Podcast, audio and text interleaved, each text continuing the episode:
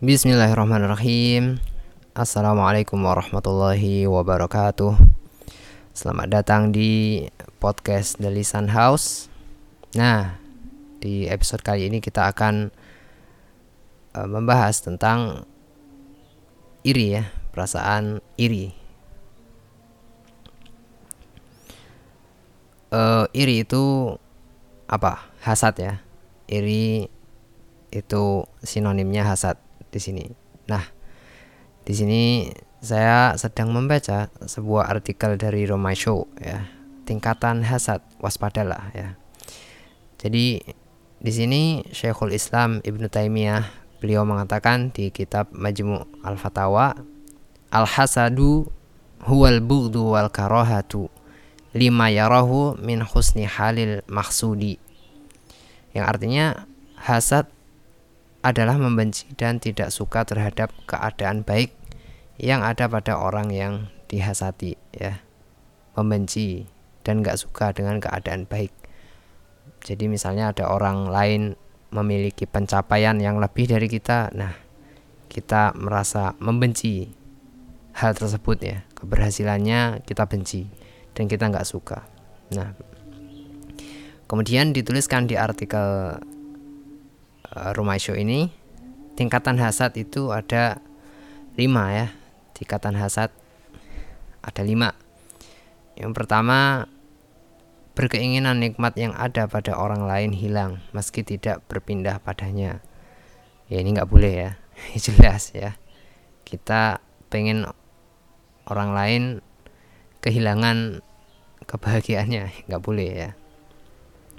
Kemudian nomor dua berkeinginan nikmat yang ada pada orang lain hilang, lalu ingin nikmat tersebut berpindah padanya. Nah ini parah ya. Jadi pengen punya orang lain hilang, terus nikmatnya pindah ke kita.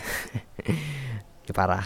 Kemudian yang nomor tiga, tidak punya maksud pada nikmat orang lain, namun ia ingin orang lain tetap dalam keadaannya yang miskin dan bodoh. Nah ini juga nggak boleh ya, nggak boleh. Karena hasad seperti ini akan membuat seseorang akan mudah merendahkan dan meremehkan orang lain.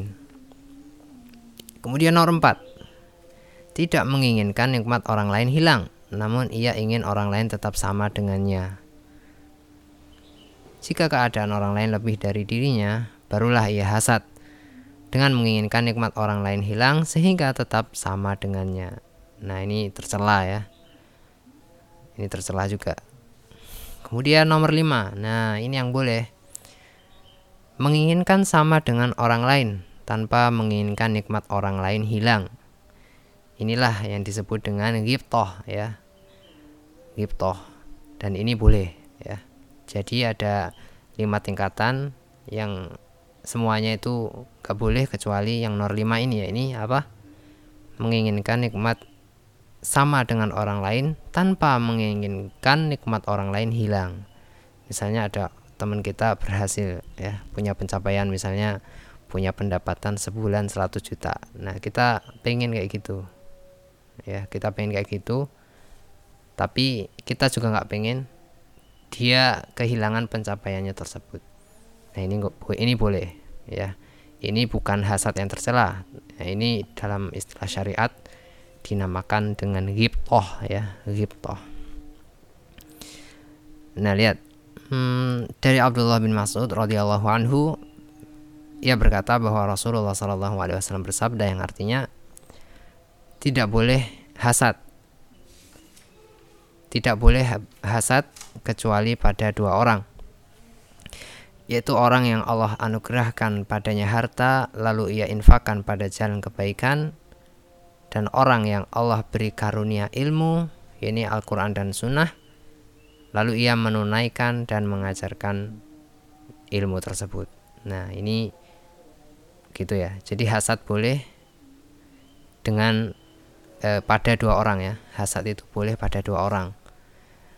Ya ini ketika orang lain hartanya lebih banyak, lalu mereka menginfakkan harta tersebut ke jalan kebaikan. Nah, kita hasad kepada orang ini boleh. Atau yang kedua, boleh hasad kepada orang yang Allah karuniakan ilmu kepadanya. Ya ini boleh. Ya ini yang dimaksud di dalam Al-Qur'an surat Al-Mutaffifin ayat 26 wa fi dzalika falyatanafasil mutanafisun.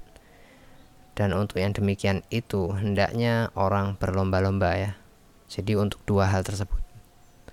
Kepada dua orang ini ya orang yang Allah karuniakan hartanya kemudian ia infakkan kepada jalan kebaikan atau kepada orang yang Allah karuniakan ilmu kepadanya kemudian ia menunaikan dan mengajarkan ilmu tersebut.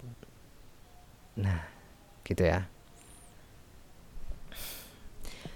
Jadi gimana tadi? Ada tingkatan hasad ya kan ada lima tingkatan hasad. Semuanya tercela kecuali satu yakni poin yang terakhir tadi yakni menginginkan sama dengan orang lain tanpa menginginkan nikmat orang lain hilang ya. Tanpa menginginkan nikmat orang lain hilang. Kemudian hasad hanya boleh pada dua orang ya. Yang pertama kepada orang yang berharta kemudian ia infakkan harta tersebut ke jalan kebaikan dan yang kedua, orang yang Allah karuniakan ilmu kepadanya, kemudian ia tunaikan ilmu tersebut dan mengajarkannya. Nah, mungkin sedikit yang bisa Ana publikasikan di podcast kali ini. Barakallahu fikum. Ya, silahkan uh, subscribe uh, podcast ini bila Anda pengguna Apple Podcast atau bisa ke hams.my.id itu alamat website saya di situ anak akan posting podcast terbaru dari uh, The Lisan House di situ nanti. Barakallahu fikum.